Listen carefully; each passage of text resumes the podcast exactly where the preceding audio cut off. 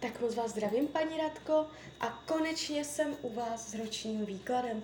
Já už se dívám na vaši fotku, míchám u toho karty a podíváme se teda spolu, co nám Tarot řekne o tom roku 2022 plus leden 2023. Jo, tak celou dobu budu mluvit o tady tomto období. Tak moment.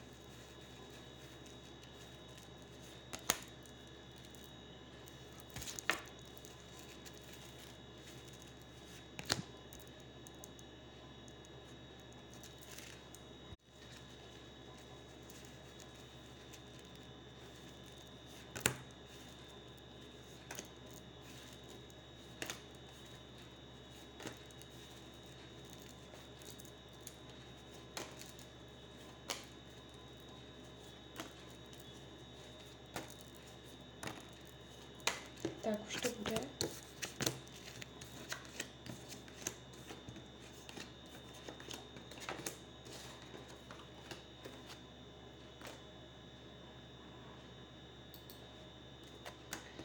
No, tak mám to před sebou. Je to celkem pěkný výklad. Eh, v mnoha směrech budete cítit uh, pocit radosti, úspěchu, hodně věcí se bude dařit. Mm, vy jste mi dala dokonce i svoji hodinu narození, což je super, protože já teď pěkně můžu porovnávat uh, tarot se solárním horoskopem. Uh, ukazuje se tu určitá náročnost, co se týče práce. Mm, může tam dojít k, k zatížení, starosti, uh, pocit, že se něco nepovedlo. Jo, je tady prostě jakoby i na psychiku. Uh, jestliže teď v práci je všechno v pohodě, klape to. V tom roce 2022, uh, plus leden samozřejmě, uh, ukazuje se to, že tam bude nějaká starost, že budete něco řešit. Může se to týkat uh, tématu svobody, nesvobody, Eh, náročnosti, odlehčení. Jo, jakoby můžete mít pocit, že uh, tam dokonce s váma nemají ani úplně jakoby uh, ty nejlepší úmysly. Můžete cítit, že uh, je to tam určitým způsobem nefér pro vás. Jo, můžou vám jenom přidávat práci. Uh, Jo, je to vidět jak starou, to tak ze soláru. Já se zeptám kivadelka, jestli je pravděpodobnost dokonce, že byste v tomto období změnila zaměstnání. Bude změna práce? Tak, bude změna práce?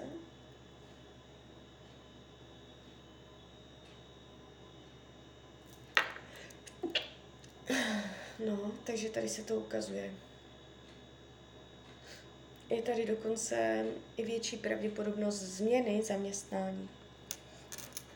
Jo, když se zeptáme, jak to bude dál v té práci následující.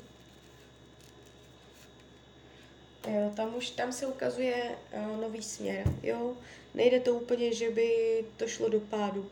Takže uh, otevře se nová cesta nemělo by to být nějak zásadně hrozné. Co se týče financí, já ještě hodím další karty, peníze. Jo, tady není problém.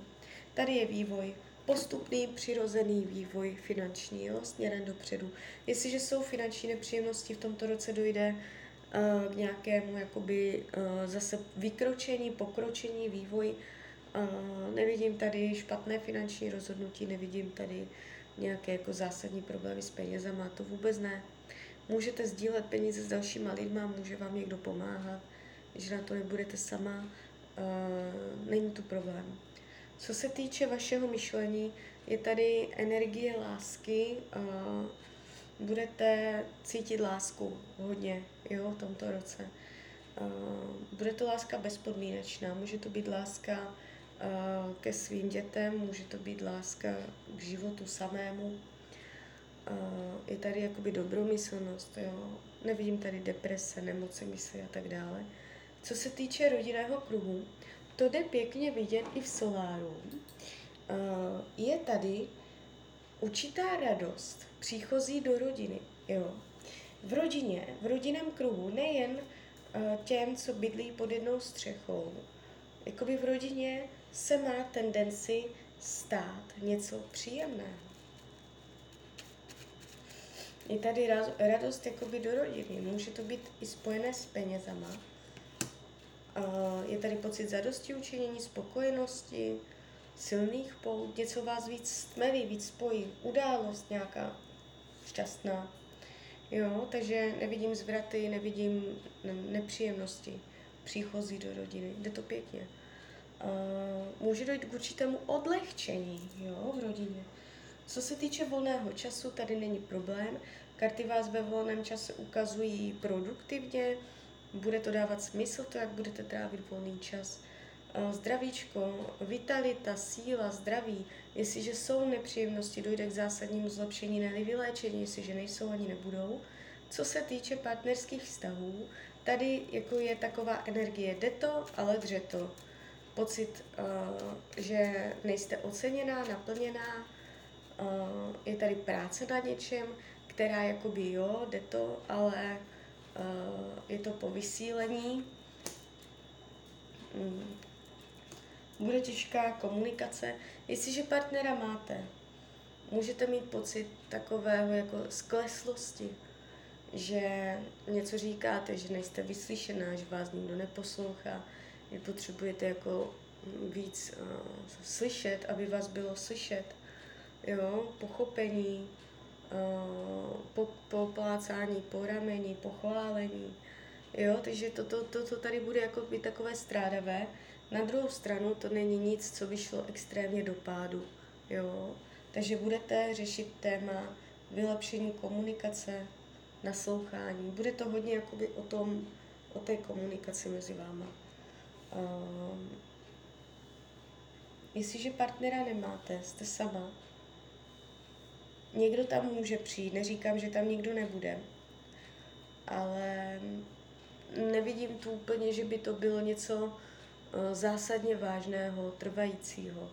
Jo, je to takové, že jo, někdo tam je, ale nemáte z toho pocit zadosti učinění. Co se týče učení duše, mm, aby bylo v rovnováze dávání a braní. To, co přijímáte, abyste zároveň i dávala dál, posílala, a abyste jenom nebrala, ale abyste ani jenom nedávala. Jo? Může také se jednat o téma nadřazenosti a podřazenosti.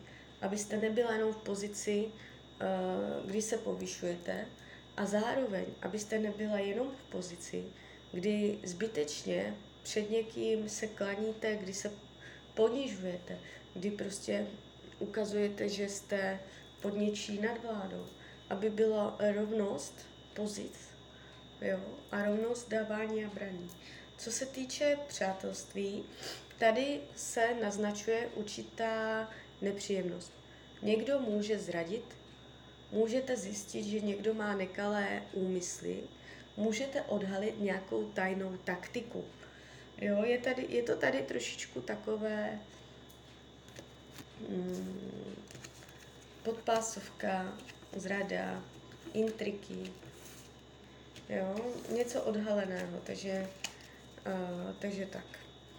Co se týče věcí skrytých, potlačovaných, uh, touha po nové etapě života, touha se přes něco přenést a začít něco nového. Uh, karty radí v tomto roce, abyste uh, odpočívala, regenerovala, abyste uh, měla kvalitní spánek, snažila se o zkvalitnění spánku.